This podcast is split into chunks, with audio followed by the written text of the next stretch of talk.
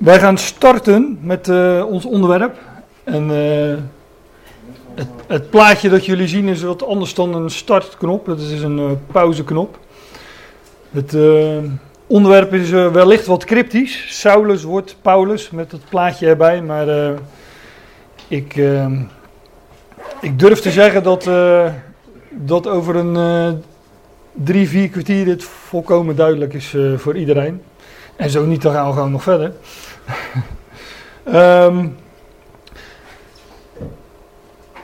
ik wil het hebben vanmorgen over een uh, geschiedenis in Handelingen 13. dat is een heel lang hoofdstuk, Handelingen 13. Maar uh, de geschiedenis waar ik uh, naartoe ga, die is, die, is, die is best wel kort. Die is vrij kort.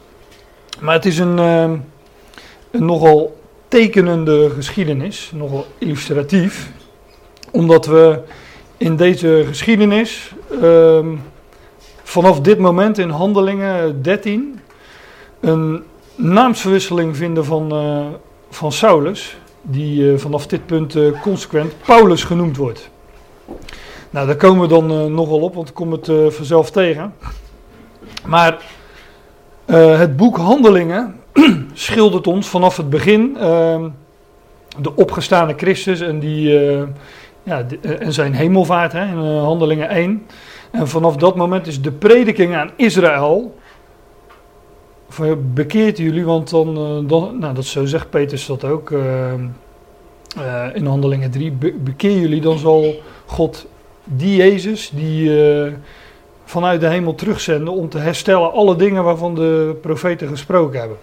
Want dat is ook de vraag in het begin van het boek Handelingen. Vragen de discipelen aan Jezus: Heer, herstelt u in deze tijd het koninkrijk voor Israël? Dus dat is de, de, de vraag die in het begin van het boek Handelingen speelt. Um, maar gaandeweg het boek Handelingen um, wordt wel duidelijk dat, uh, ja, dat Israël de Messias niet aanneemt. Dat ze niet geloven, dat ze zich als volk niet zullen bekeren. En dan uh, komt Paulus van achter de coulissen vandaan. En die gaat een tot dat moment geheime, verborgen boodschap bekendmaken. Namelijk dat God een. Uh, uh, dat er een onderbreking komt in Gods handelen met Israël, een pauze. En dat redding naar de natie gaat. Ook een, ja, voor een periode, want Israël zal hersteld worden, want daar hebben de profeten van gesproken, maar dat is pas toekomst. Maar wij leven in die, uh, in die onderbreking, in die pauze, waarin Gods handelen met Israël uh, tijdelijk gestopt is. Hè? Dus er is uh, bij wijze van spreken op die knop gedrukt. En ja, wij leven nu dicht bij dat moment waarop de knop weer ingedrukt gaat worden. En God verder gaat in zijn handelen met Israël. Nou, dat verhaal, dat, ja, dat vinden we hier echt in een, in een plaatje, in een illustratie. In Handelingen 13. En uh, nou, we gaan het gewoon doornemen en dan, uh, dan denk ik dat het ook wel, wel duidelijk moet zijn. Ik sla de eerste vier, geloof ik, versen van het hoofdstuk even over. Drie versen sla ik over. En dan staat er in vers 4, zij dan, Barnabas en, dat zijn Barnabas en Paulus, dat heb ik toegevoegd. Maar dat lees je in ehm, vers 2, daar staat dat de Heilige Geest zegt, zondert mij af, beiden Barnabas en Paulus tot het werk waartoe ik hen geroepen heb. Dus blijkbaar uh, had de Heilige Geest een, eh, een, werk voorzien voor deze Paulus en, en Barnabas. Hier nog Barnabas en Paulus, en Saulus, sorry. En ehm, nou, die worden dan uitgezonden, want dat staat hier. Zij dan, uitgezonden door de Heilige Geest, vertrokken naar Seleucië, of Seleucië, weet ik veel hoe je dat zegt. En voeren vandaar naar Cyprus. Nu ehm, heb ik wat uh, plaatjes gebruikt met kaartjes. Uh, en dat is wel leuk, want hier viel het ook uh, de makers van, van de plaatjes die bij het verhaal horen, viel ook op dat, dat deze geschiedenis, dat in deze geschiedenis Saul, Saulus, dat is natuurlijk Engels dit, maar dat Saul, Saulus, een nieuwe naam kreeg, namelijk Paul in het Engels, maar Paulus op zijn Grieks. En dat zeggen wij dan ook zo. Maar ze waren in, uh, in Antiochië. En ze vertrekken naar uh, Seleucië. En ehm, daar pakken ze de boot, zeg maar, en vertrekken naar het eiland Cyprus. Dan moet ik dan ook nog zeggen, de, um, wat we hier vinden, is, uh, vindt plaats aan de start, zeg maar, van de, van de missie van, van Paulus.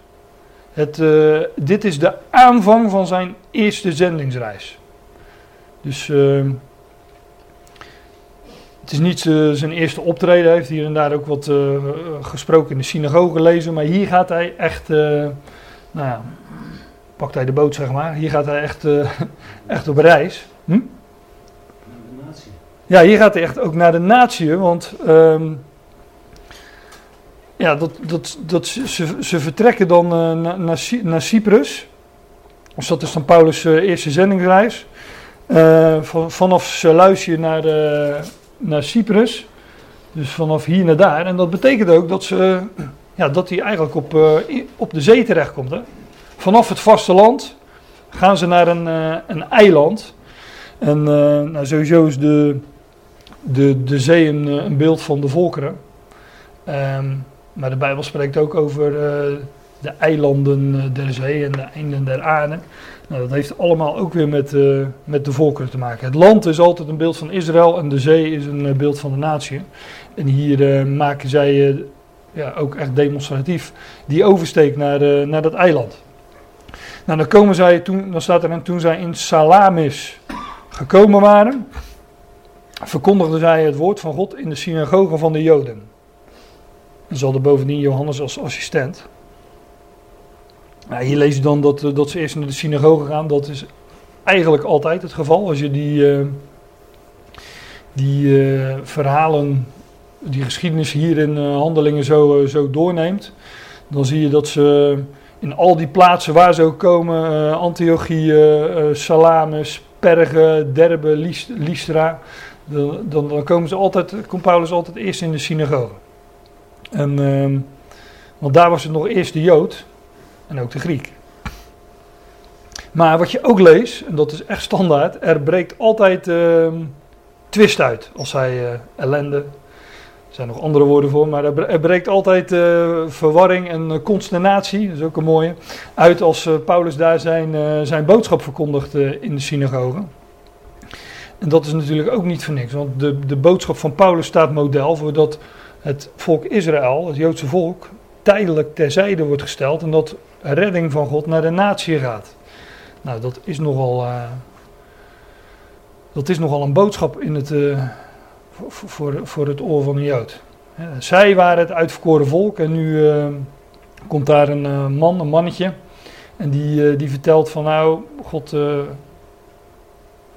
God stelt het Joodse volk terzijde en redding gaat nu naar de natie. Naar die heiden, weet je wel, die honden, die varkens. Want zo worden ze ook genoemd en uitgebeeld in, in de schrift. nou, zij kwamen dus in de synagogen van de Joden. Dan staat er nog bij, ze hadden bovendien Johannes als assistent. Nou, dat is, dat is Johannes Marcus. En volgens mij wordt het hier genoemd omdat Johannes Marcus, er ontstaat later een, een klein meningsverschil over. Of het klein meningsverschil is, weet ik niet. Maar een meningsverschil tussen Paulus en Barnabas. Want Paulus vond, hem, vond die Johannes Marcus niet betrouwbaar genoeg. En toen heeft Barnabas hem meegenomen en toen gingen ze ieder hun, hun eigen weg. Je leest dat, ik heb een notitie van gemaakt, oh dat is hetzelfde hoofdstuk in vers 9, nee, Handelingen 15, vers 39. Voor degene die dat nog eens na wil zoeken. Nou, dan komen ze dus op, op dat Cyprus in Salamis. En dan staat er, toen zij het eiland doorgegaan wa waren tot Paphos toe. Dat betekent dat ze het hele eiland overgestoken zijn, want Paphos ligt helemaal aan de andere kant. Maar jullie weten natuurlijk dat Barnabas daar wel de weg wist, want die was daar geboren namelijk, op uh, Cyprus. Die kwam daar vandaan. Die, dat lees je in Handelingen 4. Daar wordt voor het eerst melding gemaakt van Barnabas. En dan wordt ook verteld dat hij een Cyprioot is. Niet een Cyprioot, maar een Cyprioot. Maar wel een Jood van Cyprus, dat dan weer wel. Ja, je moet wel goed zeggen, anders uh, ontstaan er misverstanden natuurlijk. Um, ja, ze komen dan in dat, uh, in dat. En dan staat er dat ze daar troffen een zekere man, een magier, een valse profeet, een jood van wie de naam Bar Jezus was. Um, dit woord uh, magier, magon in het Grieks, is een tamelijk neutraal woord hoor, want uh, uh, er zijn ook wijzen uit het oosten die wij kennen. Die, die waren dus, dat waren hele verstandige lui.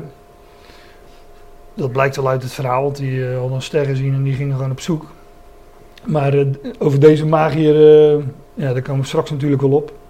Nou ja, dat zien we hier al. Er worden wat, wat, wat minder positieve dingen van gezegd. Maar uh, andere vertalingen zeggen ook een, uh, een, tovenaar. Maar dit was dus een. Uh, ze troffen een zeker man, een magier, een tovenaar. en een, een, tovenaar is iemand die, maar dat is dubbelzinnig, indruk wil maken met zijn werken. Of die feiten manipuleert. Dat doen tovenaren. Of in ieder geval je dingen laten zien die die niet altijd overeenkomen met de werkelijkheid. Nou ja, ga zo maar door. En uh, hij is een, uh, een valse profeet. Een profeet is iemand die uh, namens God spreekt. Nou, deze profeet was een pseudo, dat kennen we ook uit het Griekse woord, een pseudo-profeet. Dus een valse profeet, geen echte profeet. Dat betekent dus dat hij claimt te spreken namens God, maar dat hij in ieder geval een, ja, niet de juiste boodschap sprak. Dus dat is een valse profeet. maar was, dat is natuurlijk ook kenmerk. Er wordt wel gezegd dat hij een, een profeet was of claimde een profeet te zijn. En uh, dat betekent dus wel dat er een, uh, zoals Paulus later tegen Timotheus zegt, dat hij een schijn van godsvrucht had. En hij was een Jood. En uh, ja, dat spreekt voor zich, een Jood is een Jood. Hè? En van wie de naam Bar Jezus was. En dan denk je ook van, nou, dat klinkt wel goed toch? Bar Jezus, want Bar Jezus betekent, Bar betekent zoon. En uh, Jezus, uh, nou ja, die kennen we. Dus een zoon van Jezus. En ehm, ook hier, dat heeft een mooie naam, maar het, het heeft dus de schijn van. Dat is wat ik er in ieder geval uithaal. Je kunt trouwens ook nog zeggen, het heeft de belofte van. Want dat geloof ik ook. Deze, um, in dit verhaal loopt het natuurlijk niet goed af. Jullie hebben natuurlijk allemaal dit verhaal al eens gehoord, uh, neem ik aan. Of, uh, uh, nou ja, anders komen we daar zo wel op. Maar deze, deze, de, met deze man loopt het hier in het verhaal natuurlijk niet goed af. Maar er staat wel bij dat het ook tijdelijk is. En inderdaad, ook deze, deze Jood zal net, net als elke Jood in die zin ook een, een zoon van Jezus zijn worden. Dus uh, nou, die, dubbel, die dubbelheid zit er wel in, denk ik. Het heeft de schijn van godsvrucht, maar het heeft ook de belofte van. Uiteindelijk zijn we kinderen van één vader. Uiteindelijk zijn we kinderen van één vader. Ja, ja. Um, ja. dus hij is een magier. AV is andere vertalingen. een valse profeet, een jood. En um, ja, Bar Jezus betekent zoon van Jezus. Maar al deze benamingen of al deze beschrijvingen staan er niet voor niets natuurlijk. Dus het, het, staat er om ons op, een, uh, op het spoor te zetten. En hij heet, overigens, dat lezen we straks in uh, vers 8, hij heet Elimas in het Grieks. maar dat betekent ook weer zoiets als de wijze of de tovenaar.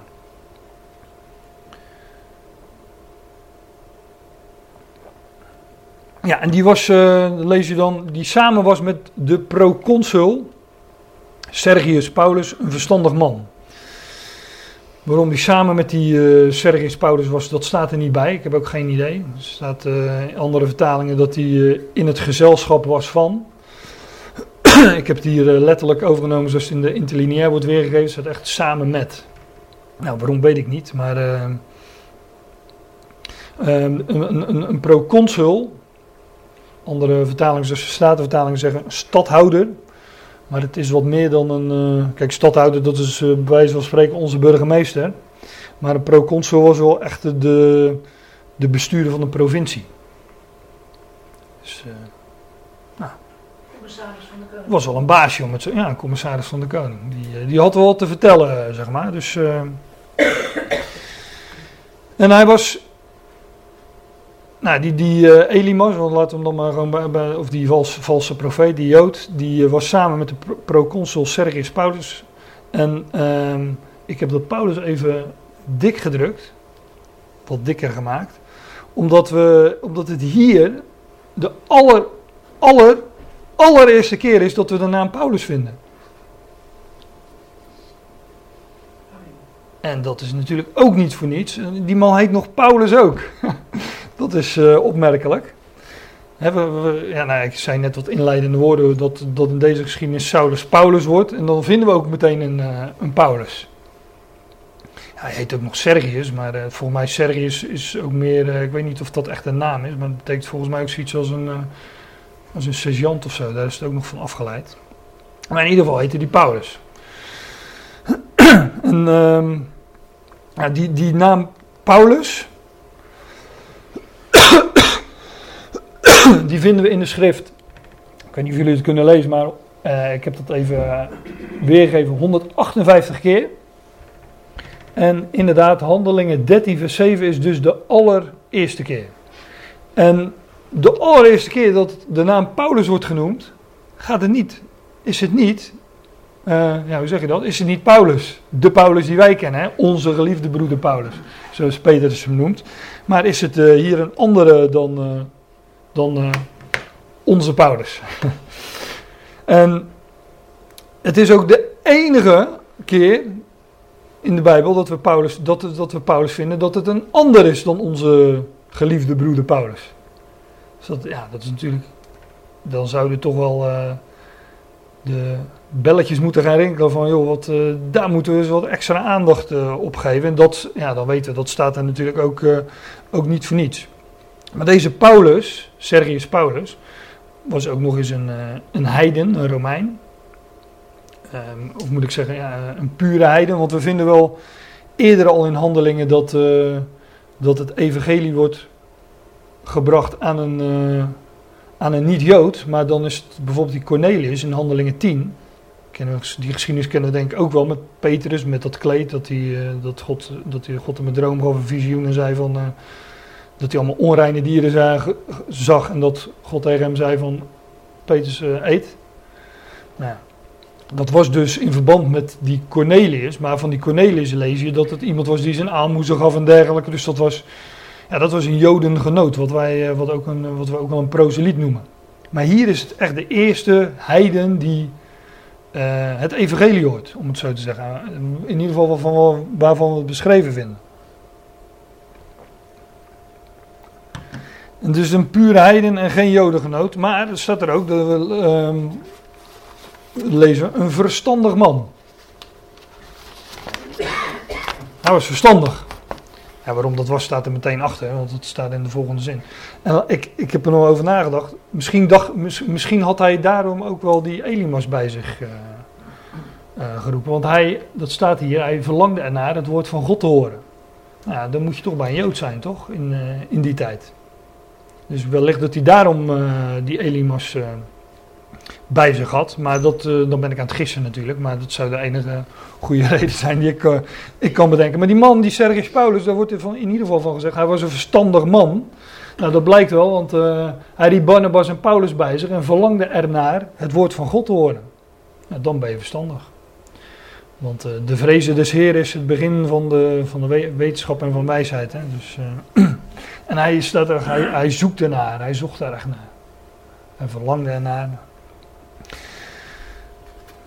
Dus dat, uh, ja, dat was zeer verstandig. Dus hij riep Barnabas en Paulus bij zich en verlangde ernaar uh, het woord van God te horen. Maar Elimas, daar heb je hem, de magier, want zo wordt zijn naam vertaald, hè. Elimas betekent dus magier. En zo simpel is het eigenlijk. Hij ging tegen hen in en hij probeerde de stadhouder van het geloof af te houden. Ja, van het geloof probeerde hij hem af te houden. De MB, G zegt afkerig te maken. Letterlijk staat er eh, om, om te buigen. Heeft met eh, keren, verd- verdraaien te maken. Hij probeerde de boel te verdraaien, om te buigen. Nou, dat is dus met recht een, eh, een valse profeet. Verdraait nog aan toe. Hè? Hij probeerde de boel te verdraaien. En wat eh, probeerde hij nou? Hij probeerde die stadhouder van het geloof af te houden. Niet van werken, nee, van geloof probeerde hij die stadhouder af te houden. En hij was natuurlijk een man van werken, want hij was een tovenaar. Die indruk maakt met zijn werk. Ehm, ja, je, je, je leest ook in. eh, wat ik, ik zal ook wat uitstapjes maken naar eh, eh, bijvoorbeeld de Romeinenbrief. Waar, eh, waar, waar, we ook waar we ook beschreven vinden. over hoe redding naar de natie ging. Bijvoorbeeld hier. Wat zullen wij dan zeggen? Dit, dit dat de heidenen, de natieën, die geen recht, gerechtigheid hebben nagejaagd, gerechtigheid verkregen hebben. Gerechtigheid echter die uit het geloof is. En die man die, eh, die, die Sergius Paulus zocht het woord van God te horen. En dan is er een Jood die probeert hem van dat geloof af te houden. Maar Israël, dat de wet van de gerechtigheid najaagde, is aan de wet van de gerechtigheid niet toegekomen. Dan ga ik niet hier op elk woord in, maar ik wil even de, de algemene strekking eruit halen. Waarom niet? Omdat zij, dus Israël, die niet zochten uit het geloof, maar uit werken. Dus werken tegenover geloof. En het Joodse volk, dat zocht gerechtigheid eh, uit werken. Maar uiteindelijk zijn het, eh, dat lezen hier, de, dat de, de natie, de heidenen, die, die, hebben, die hebben geen gerechtigheid eh, nagejaagd, maar die hebben het wel gekregen, verkregen. En die gerechtigheid, nou, die is uit het geloof. En daar gaat het ook over in die geschiedenis met Elimas. Er is een heiden die zocht, het, die zocht en die verlangde het woord van God te horen. En een Jood die hem daarvan af wil keren, die hem daarvan eh, ja, af wil houden, van het geloof. Dus er is een Jood en een vijand van het geloof. En een heiden die verlangde om het, eh, om het woord van God te horen, inderdaad. Maar Saulus, die ook Paulus genoemd wordt. Kijk, en hier gebeurt het. Hier vindt de naamverwisseling plaats tussen Saulus en, eh, en Paulus. De, daar heb ik ook een afbeelding van. De eerste keer dat we de naam Saulus vinden in, eh, in, eh, ja, in de schrift is in Handelingen 7, vers 58, maar dat, eh, komt 15 keer voor. En de eerste keer is in Handelingen 7, dat is de geschiedenis van Stefanus. Stefanus wordt er gestenigd. En dat gebeurde door, ja, door de leidslieden van het Joodse volk. En dan lees je helemaal aan het einde van de geschiedenis, dus vers 58 dat ze de mantels, die jassen, ze hadden even de ruimte nodig uh, om uh, goed te kunnen bewegen om met, uh, met, ja, met, iemand te stenigen blijkbaar. Dus de mantels legden ze aan de voeten van een man Saulus. Dat is de eerste keer dat Saulus daar genoemd wordt. En we zijn nu in handelingen 13 vers 9. En dat is meteen de laatste keer dat de naam Saulus genoemd wordt. Dus hier verdwijnt hier wordt, de laatste keer, hier wordt de laatste melding gemaakt van de naam Saulus en hier verdwijnt hij ook. En um, ja, behalve nog als Paulus zelf later zijn geschiedenis van zijn, uh, van zijn bekering op de weg naar Damascus, als dat licht hem uh, uh, omschijnt, dan haalt hij bijvoorbeeld die woorden aan voor Agrippa en dan zegt hij van ik hoor een stem uit de hemel die zei Saul, Saul, wat vervolg je mij? Dan wordt die naam dus, die verkorte naam Saul, wordt daar nog, uh, nog wel gebruikt, omdat hij de geschiedenis van voor Handelingen 13 aanhaalt, namelijk uit Handelingen 9. Die hebben jullie toch, hè? Of moet ik het herhalen? Ja. Nee, dus dit is echt de laatste keer dat Saulus uh, ten tonele verschijnt. En dan, uh, dan van, vanaf hier wordt Saulus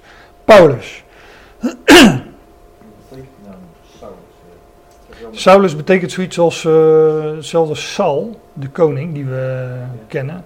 Dat betekent zoiets als uh, geleend. Geleend. Dat is, ook wel mooi, want lenen doe je ook tijdelijk. Is de bedoeling dat het weer terugkomt bij de, bij de uh, oorspronkelijke eigenaar. Maar Saul, Saulus, zijn naam, is hier ook tijdelijk. En dat zal Jens wel zijn. ja, die is lekker aan buiten Dat is mooi weer voor.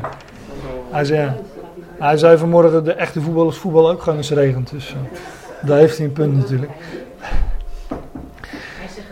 Maar Saul, Saul, Saul, Saulus. Saulus is gewoon de Griekse versie van Saul. Hè? Dus gewoon met die US erachter. Uh, dat betekent zoiets als geleend. En we weten natuurlijk ook van koning Saul. Ja, dus, daar zit natuurlijk ook een, hele, een, hele, een heel verhaal achter. Maar koning Saul was uh, weliswaar door God verkozen. Maar uiteindelijk zou hij ook het veld moeten ruimen en plaats moeten maken voor uh, David en de dynastie van David. Dus ook dat was een uh, nogal tijdelijk koningschap. Beeld natuurlijk ook weer, is ook weer een uitbeelding van de wet en van het oude verbond, dat allemaal, allemaal tijdelijk was. Maar daar is, daar is Saulus ook een, ook een beeld van. Nou, die wordt ook Paulus genoemd. En ehm, ja, de meningen lopen nogal uiteen wat, wat die naam betekent. Um, Paulus betekent zoiets als. Uh, ze zeggen wel dat het kleintje betekent. Of uh, kort gehouden. Maar dan. Uh, ja, als je, als je, als je, als je, als je klein bent, dan, ben je, dan, ben je, dan is je groei ook gestopt in principe. Hè? Dus dat heeft ook weer met die druk op de knop te maken. Die pauzeknop. Um, want Paulus' naam heeft ook alles met, met pauze te maken. Nou, laat ik eerst even, even verder gaan. Vanaf hier verandert de naam Saulus consequent in Paulus. Hè? Maar ja, hoe kennen we Paulus? Paulus is de apostel van de natieën. Ze noemt hij zichzelf meerdere malen. De apostel van de natie, de leermeester van de natie.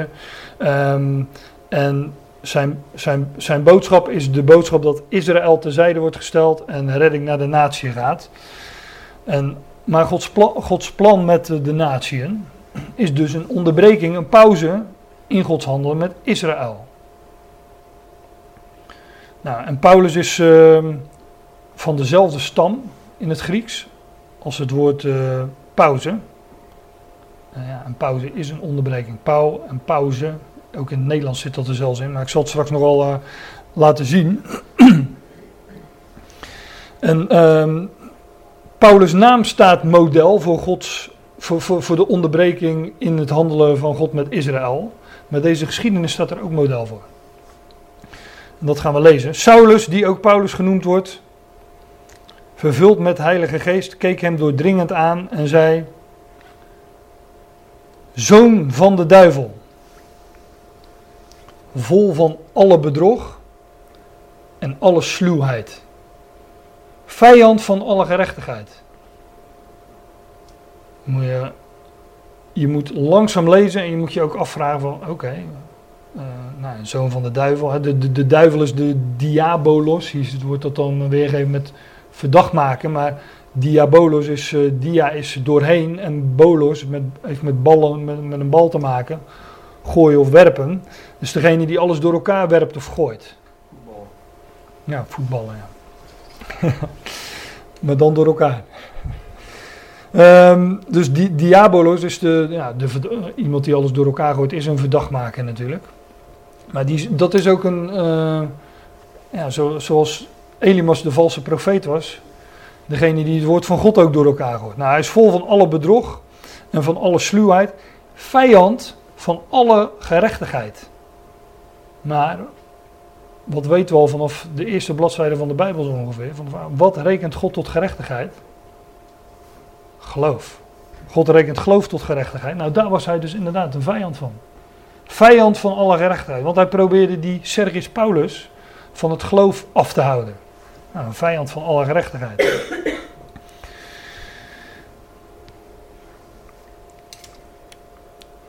Zoon van de duivel, vol van alle bedrog, van alle sluwheid, vijand van alle gerechtigheid, zult u er niet mee ophouden de rechte wegen van de Heer te verdraaien? Kijk, en dit woord ophouden, dat is dus in het Grieks, het woord, Griekse, het, woord pauze of pauze, ik weet niet hoe je dat zegt, maar dat herkennen we natuurlijk ook uh, in ons woord uh, pauze. Wij schrijven het net iets anders. Maar hier wordt dus. Uh, ja, hier wordt, hier wordt hem aangezegd dat hij ermee zou. het is een, een, vraag, maar het is een retorische vraag. Zult u er niet mee ophouden? Zou jij er niet mee ophouden? De rechte wegen van de Heer te verdraaien. Ook hier weer dat we verdraaien. En de rechte wegen des Heren, ja, die gaan over, over Gods gerechtigheid. Hè? En dat gerechtigheid en rechtvaardigheid, daar zit ook dat recht in. Gods, uh, Gods wegen zijn recht en uh, ja, Gods gerechtigheid, Gods rechtvaardigheid, die probeerde deze Elimas te verdraaien. Kijk, hier zie je dus een afbeelding van, uh, van, van dit woord, zeg maar. Dat heb ik even uitvergroot en ook het Grieks erbij gepakt. En dit is de naam Paulus. En dan zie je dat de stam van die beide woorden, dat, uh, dat Paul, dat dat, uh, dat dat overeenkomt. En uh, ja, die uitgang is dan uiteindelijk wat anders natuurlijk. Maar die, ja, die hebben dus, daar zijn dus overeenkomsten. En op het moment dat hier Saulus echt Paulus wordt, want vanaf dit moment wordt hij consequent Paulus genoemd. Ja, op, hier zie je ook dat dat er een Jood is, een valse profeet, waarvan Paulus zegt, je zal, zult er niet mee ophouden de rechte wegen van de Heer te verdraaien. Nou, dan gaat het verder en dan zegt, zegt hij hem aan, en nu, zie de hand van de Heer is tegen u en u zult blind zijn en de zon voor een tijd niet zien. Dus hij zou de zon voor een tijd niet zien. Hè? Het is ook tijdelijk, het is echt een pauze, een onderbreking. Dus deze Elimas, deze Jood, deze valse profeet wordt hier op pauze gezet. Dat is eigenlijk wat er gebeurt. Zijn zicht op de dingen wordt op pauze gezet. Hij wordt nu verblind, maar hij zal weer zien. Nou, is dat geen plaatje van wat het Joodse volk is overkomen? Ik zal het straks ook laten zien. Onmiddellijk viel er donkerheid en duisternis op hem, want het overkomt hem ook meteen. En rondlopend zocht hij naar mensen om hem bij de hand te leiden. Deze Elimas, de Jood, de valse profeet, hij representeert het hele Joodse volk. En met de komst van Israël, met, uh, met de komst van Paulus, werd Israël uh, terzijde gesteld. En dat is wat, uh, wat hier wordt uitgebeeld in het tijdelijk verblinden van deze Elimas. Redding gaat naar de natieën, door Paulus, de apostel en leermeester van de natieën. En Israël is voor een tijd verblind. nou, daar zijn nogal schriftplaatsen die dat, uh, die dat zeggen. Dus ik heb er een, uh, ik heb er een, uh, een paar. Dit is uit de Evangelie, want daar, daar zag je dat zich dat al aftekenen. Dan staat er vanwege dit konden zij niet geloven, Johannes 12, omdat Jezaja weer zei, het is namelijk een, een volgend citaat van Jezaja wat hier wordt aangehaald. Hij heeft hun ogen verblind en hun hart versteend, maar het gaat mij even om de ogen nu, dat zullen jullie begrijpen.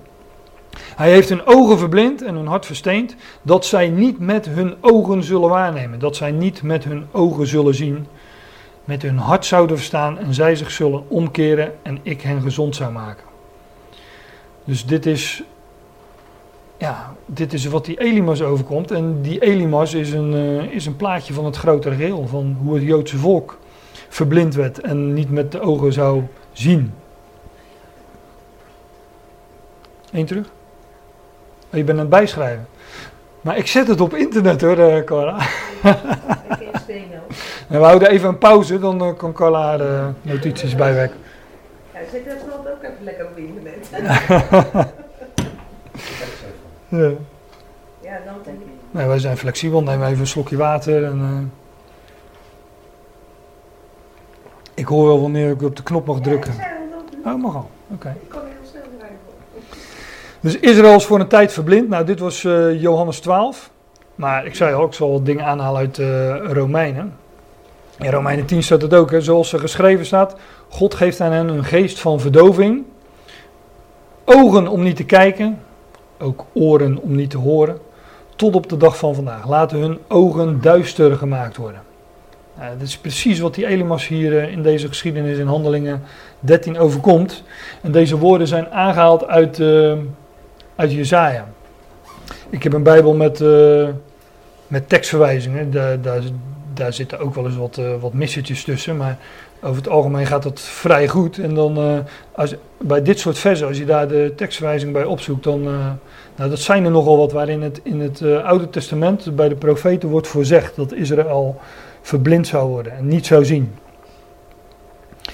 En het is, het is ook de reden, waar net in Johannes, maar ik wil ook naar Matthäus kunnen gaan, waar de Heer Jezus in Matthäus 13 begint te spreken in gelijkenissen.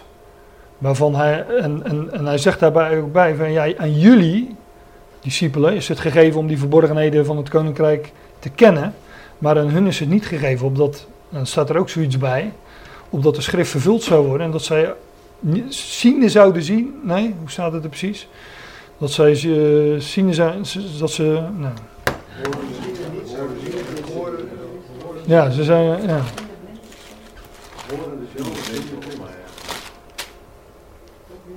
Daarom spreek ik tot hen door gelijkenissen. Dat zij ziende niet zien en horende niet horen, nog ook verstaan. En dan staat er ook weer dat een profetie van Jezaja in, in hen wordt vervuld, enzovoort. Matthäus 13, vers 13, die is te onthouden. Dus daar, uh, nou ja, dat zijn talloze schriftplaatsen. Ik zei al, ik, uh, dit is een kleine greep, maar uh, om, ja, om daarmee aan te geven dat, dat het voorzegd was. En deze Elimas die, is daar een illustratie van. Nu zie de hand van de Heer is tegen u, u zult blind zijn en de zon voor een tijd niet zien. En onmiddellijk viel de donkerheid en duisternis op hem en rondlopend zocht hij naar de mensen om hem bij de hand te leiden. Aan wie doet jullie dit nog meer denken? Johannes, nee. Ja, ja, Paul, ja, ja. die Zacharias. Oh ja, dat is er ook nog een. Die werd ook. Uh... Maar uh, ik moest denken inderdaad aan, uh, aan Saulus, daar nog. Want Saulus op de weg naar Damascus, dan lees je dat dat licht hem omschijnt. En uh, ja, dat licht was zo sterk dat, dat, dat staat de Saulus stond op van de grond. Toen hij zijn ogen opendeed, zag hij niemand. En ze leidden hem bij de hand en brachten hem naar Damascus. En hij kon drie dagen niet zien. En ja, ik denk dat Saulus hier ook een, uh, een beeld is van, uh, van Israël. Zou hij geweten hebben dat het maar drie dagen duurde? Anders weet je het. Op dat moment? Ja. Ja, dat weet ik niet. Dat is met alles zo. Als je weet dat het dan over is, dan denk je, nou ja, maar wacht er wel even. Ja. maar als je dat helemaal niet weet. Nou ja, dus ik weet niet, ik weet niet of dat in uh, Handelingen 9 is, maar volgens mij wordt hem wel een en ander aangezegd dat hij, dat hij wat te doen had. Nee, hij zou naar de, hij zou naar de, dat staat er in Handelingen 9 vers 6, sta op en ga in de stad en u zal al daar gezegd worden wat, wat je doen moet. Dus dat was nog wel wat onzeker voor hem. Ja. Maar dat, dat, dat, die, ik heb nog wel een aantal vervolgversen, dan sla ik een stukje over. En dan staat er uh, Ananias, die verschijnt er dan ten tonele. God verschijnt aan Ananias en zegt van, joh, je moet uh, die Paulus op gaan zoeken. Nou, dat, uh, die, die naam kende hij, want Saulus was natuurlijk de vervolger van de Ecclesia. Dus Ananias die schiet in de verdediging. Die zegt van ja, maar dat is die, die, die vervolger, zeg ik nu even met mijn eigen woorden. Dus dat lijkt me niet zo'n goed plan. En dan zegt God tegen hem, nee, maar ik heb hem bij de kladden gepakt en ik heb een plan voor hem. En jij, je moet gewoon naar hem toe gaan. Nou, dat, dat gebeurt dus. En dan staat de Ananias ging heen en ging het huis binnen. Oh ja, en dat was over, ik hoorde net iemand dat al zeggen, in de rechte straat. Ja. En uh, in de handelingen 13 ging het over dat hij de rechte wegen des Heren verdraait. Hè? Dus dat, uh, dat is ook weer zo'n overeenkomst. Ananias ging heen en ging het huis binnen en hij zei, Saul, broeder, de Heer heeft mij gezonden, namelijk Jezus. Ik heb wat tussenzinnen weggelaten. Opdat u weer ziende zou worden. En met heilige geest vervuld zou worden. En meteen viel hem als het ware schellen van de ogen en onmiddellijk werd hij weer ziende. Dus, en wat zag hij als eerste? Ananias. Wat betekent Ananias? hetzelfde als Hanania, Ananias. Yahweh is genadig. Dus hij deed zijn ogen open, wat zag hij? Yahweh is genadig. dus dat, eh, maar, en dat was natuurlijk op de derde dag. En dat zal, uh, dat zal met Israël ook gebeuren. Op de derde dag. Ik had er gisteren nog over met uh, de kinderen. Zeg, ik wil jullie wat laten zien. En toen zei hij, nou, met, ik heb daar een mooi poster hangen. Met en dan kan je mooi die, die, met, die, met die dagen van duizend jaar waar Petrus het over heeft. Op de derde dag zal Israël herreizen, hè, zegt uh, Hosea. Daar kom ik ook nog op trouwens. Maar op de derde dag, ja, en hoe rekent God nou in dagen van duizend jaar? Dus na twee dagen op de derde dag. En daar is Saul een beeld van. En, uh, ja, van Elimas lezen we niet in deze geschiedenis dat hij weerziende wordt. Maar hij zou de zon, beeld van Christus natuurlijk, uh, voor een tijd niet zien. Het licht der wereld, de zon. Ja, en toen uh, de proconsul zag wat er gebeurd was, geloofde hij. En hij stond versteld over het onderwijs van de Heer. Ja, dat is wel, uh, dat is wel opmerkelijk, want welk onderwijs is dat dan? Uh, ja, Paulus zei tegen die Elimas van, je zal het, het enige wat hij zei is van, ja, zoon van de duivel, vol van nou ja, arglistigheid en, enzovoorts. Vijand van alle gerechtigheid. Je zal, zal je niet ophouden de rechte wegen des Heren te verdraaien. Je zal de zon voor een tijd niet zien en blind worden. Dat was het onderwijs. Dat was het onderwijs, ja. Maar ik denk ook dat het, uh, dat het het aanschouwelijk onderwijs is. Wat Paulus met zijn daad demonstreert. Waar wij het nu over hebben. Want ja, waarom zou het anders over deze geschiedenis hebben? Het wordt een Misschien heeft Paulus het hem ook wel uitgelegd. Hè? Eh, dat zou ook nog kunnen. Van nou, hier, eh, hier, hier, hier gebeurt wat, wat met het Joodse volk gebeurt. Zij worden verblind, tijdelijk terzijde gesteld. Want nou, Paulus had daar allerlei profetieën natuurlijk voor aan kunnen halen. Zoals we net zelf ook een aantal lieten zien. Die, ik liet ze al zien uit het Nieuwe Testament. Maar die zijn allemaal gebaseerd op profetieën uit, uit het Oude. Onder andere uit Jezaja. Dus ja, sowieso het aanschouwelijk onderwijs. En wellicht dat Paulus er nog veel meer bij gezegd heeft. Ik neem aan dat er nog wel wat meer woorden zijn gevallen hier. Want dat ze nog niet uitgepraat waren hierna. nou, maar Paulus spreekt in ieder geval van deze dingen. In al zijn brieven. Um, nou heb ik een voorbeeld, dat, stond meteen. Maar dat, maar dat is geen brieven, dat is handelingen. Hoewel, dat zou je ook nog kunnen verdedigen dat het een brief is, alleen die is niet van Paulus. Maar dit is het, uh, hetzelfde hoofdstuk, alleen dan een heel eind verder. Daar staat, Paulus echter en Barnabas zeiden vrijmoedig, tot, tot de joden, die in, uh, want ik zei al, er komt altijd weerstand. En dan zegt Paulus, het was noodzakelijk dat eerst tot jullie het woord van God werd gesproken. Maar omdat jullie het wegstoten, en jullie zelf het Ionische, het eeuwige, leven niet waardig oordelen, nee maar, zie, wij keren ons tot de natie. dat wordt ze hier ook, uh, ja, ook vrij officieel aangezegd. In ditzelfde hoofdstuk. Maar inderdaad, uh, zoals die Elimas het woord verstoten en verblind werd, zo uh, wordt dat hier het Joodse volk aangezegd. Ze zouden, um, en, en, Paulus ja, en ook Barnabas keerden zich daardoor de, tot de natie. Nou, uh, ook deze weer uit de Romeinen. Ik zeg dan, struikelen zij soms, gaat ook weer over het Joodse volk, struikelen zij soms, zij zijn gestruikeld. En zij, uh, ze hebben de boodschap, ze hebben de, de Messias gedood, aan een kruis genageld, maar ook na zijn opstanding hebben ze hem verworpen. Nou, dat is de struikeling van het Joodse volk. Want de bedoeling was dat het volk zich zou bekeren en tot geloof zou komen. En dan zou, uh, dan zou, het, dan zou de Messias terugkomen en uh, het koninkrijk herstellen. Dus uh, struikelen zij soms opdat zij zouden vallen, hè, opdat ze niet meer overeind zouden komen. Mogen het niet gebeuren, zegt Paulus dan, volstrekt niet. Maar hun misstap, in hun misstap, is de redding voor de natie. Dus die terzijdestelling van het volk Israël die is ten behoeve van uh, de natie om hen, het Joodse volk, jaloers te maken. Nou, dan zei ik al, dan moet je het boek Handelingen lezen. Dan uh, zie je wat uh, jaloersheid of nijdigheid, zoals andere vertalingen dat dan zeggen. Dat komt denk ik wat beter in de buurt, maar dat, hoe, hoe, hoe, hoe het Joodse volk daarop reageerde. Maar Paulus gaat verder, want kijk, dat wordt wel niet in handelingen beschreven, dat hij Elimas weer zal zien. Maar in Romeinen 11 wel. Indien hun misstap, Paulus zei net, hun misstap is redding voor de natieën. Nou, indien hun misstap dan de rijkdom van de wereld is, redding voor de natieën, en hun vermindering de rijkdom van de natieën, hebben we dus drie termen achter elkaar in deze twee versen. Redding voor de natie, rijkdom van de wereld, rijkdom van de natieën. Hoeveel te meer hun compleetmaking. Hoeveel te meer wat ze, als dit die misstap al teweeg brengt dat redding naar de natie gaat. Paulus noemt ook in dit hoofdstuk de verzoening van de wereld. Ja, wat zal er dan gebeuren als het volk niet misstapt, maar juist stapt?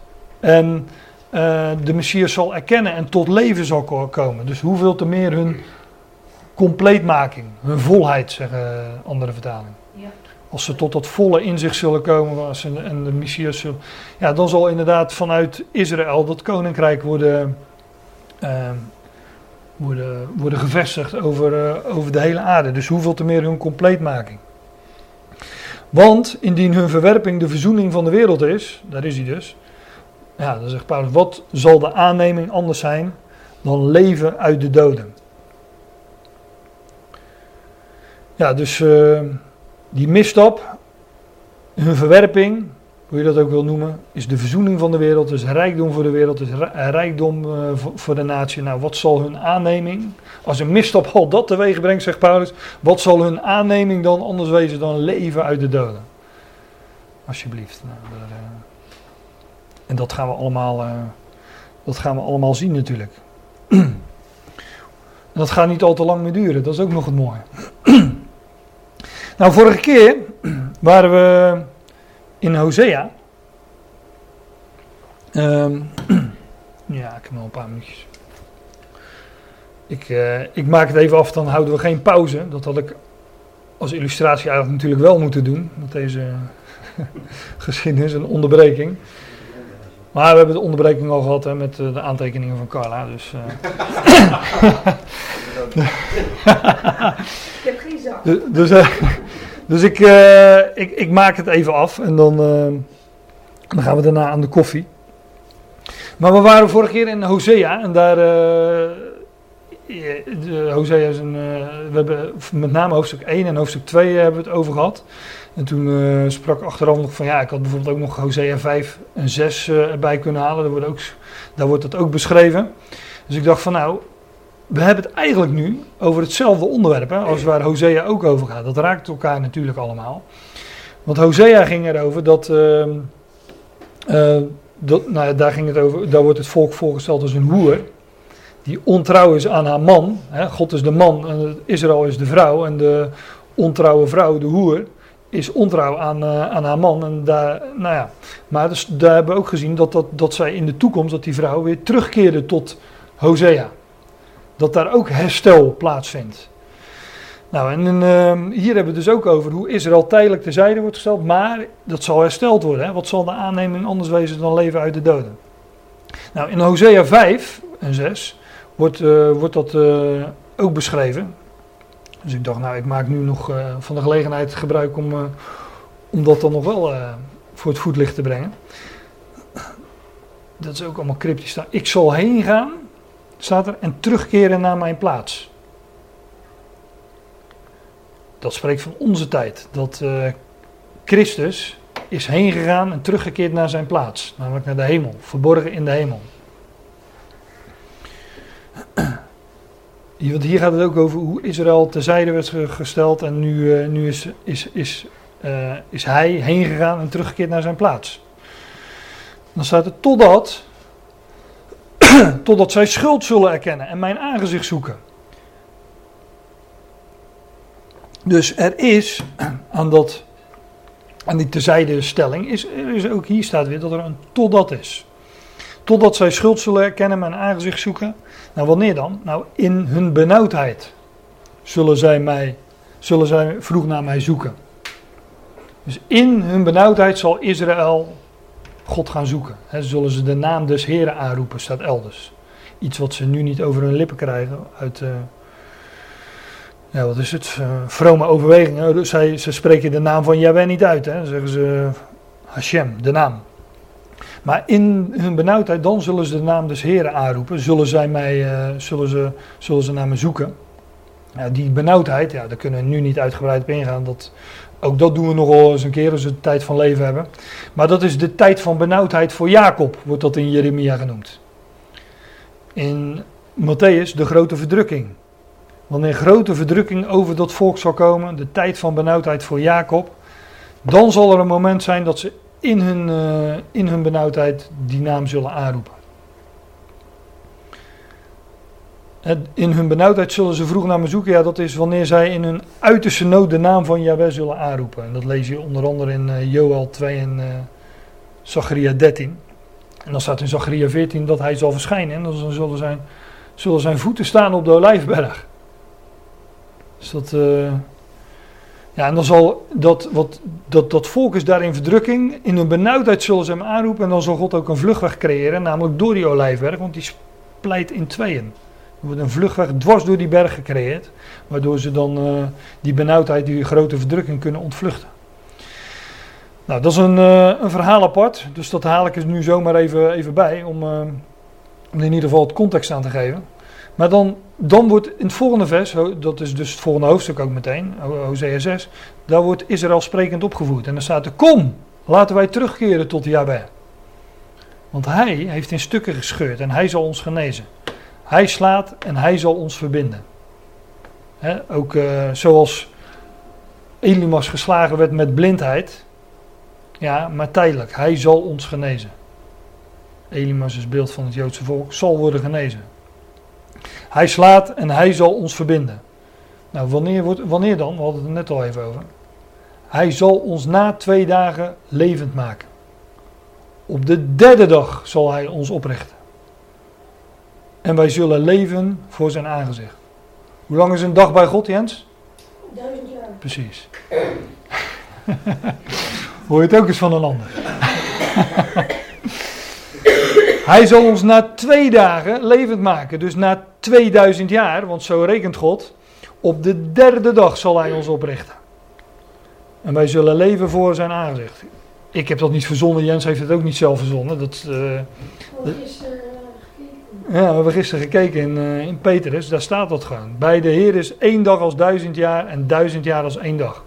En dat zegt Petrus ook niet zomaar. Hij zegt van ja, er zijn spotters in de laatste dagen die zeggen van ja, waar blijft hij dan? Hè? Waar, blijft dan de komst van de Heer? Nou, in dat verband, zegt hij, de Heer is geduldig, hij is langmoedig en bij de Heer is één dag als duizend jaar en duizend jaar als één dag. En ik weet eigenlijk wel zeker dat Petrus in ieder geval ook deze profetie in gedachten had. Want de Heer zou na twee dagen Israël levend maken en op de derde dag zou hij hen oprichten. En Peter zegt ja, dat, uh, die dagen, uh, die zijn wel van duizend jaar. Dus uh, twee dagen van duizend jaar. En wij zullen leven voor zijn aangezicht. Kijk, wij, wij leven in die twee dagen van duizend jaar. Maar ja, dat stonden net stonden gisteren ook aan te wijzen. Echt helemaal daar, daar tegen, die, tegen het aanbreken van die, van die zevende dag aan. Ja, het is ook nog eens de zevende dag. Dus tegen het aanbreken van de derde dag aan. Laat ik het, laat ik het proberen simpel te houden. Maar dan, dan, ja, dan, wij leven in die twee dagen, maar dit is nabije toekomst. Dat zij zullen leven voor zijn aangezicht. He, zoals Paulus zei, want indien hun verwerping de verzoening van de wereld is, wat zal de aanneming anders zijn dan leven uit de doden? Nou, dat lijken me mooie woorden om mee af te sluiten. En uh, hier laat ik het dan ook uh, bij.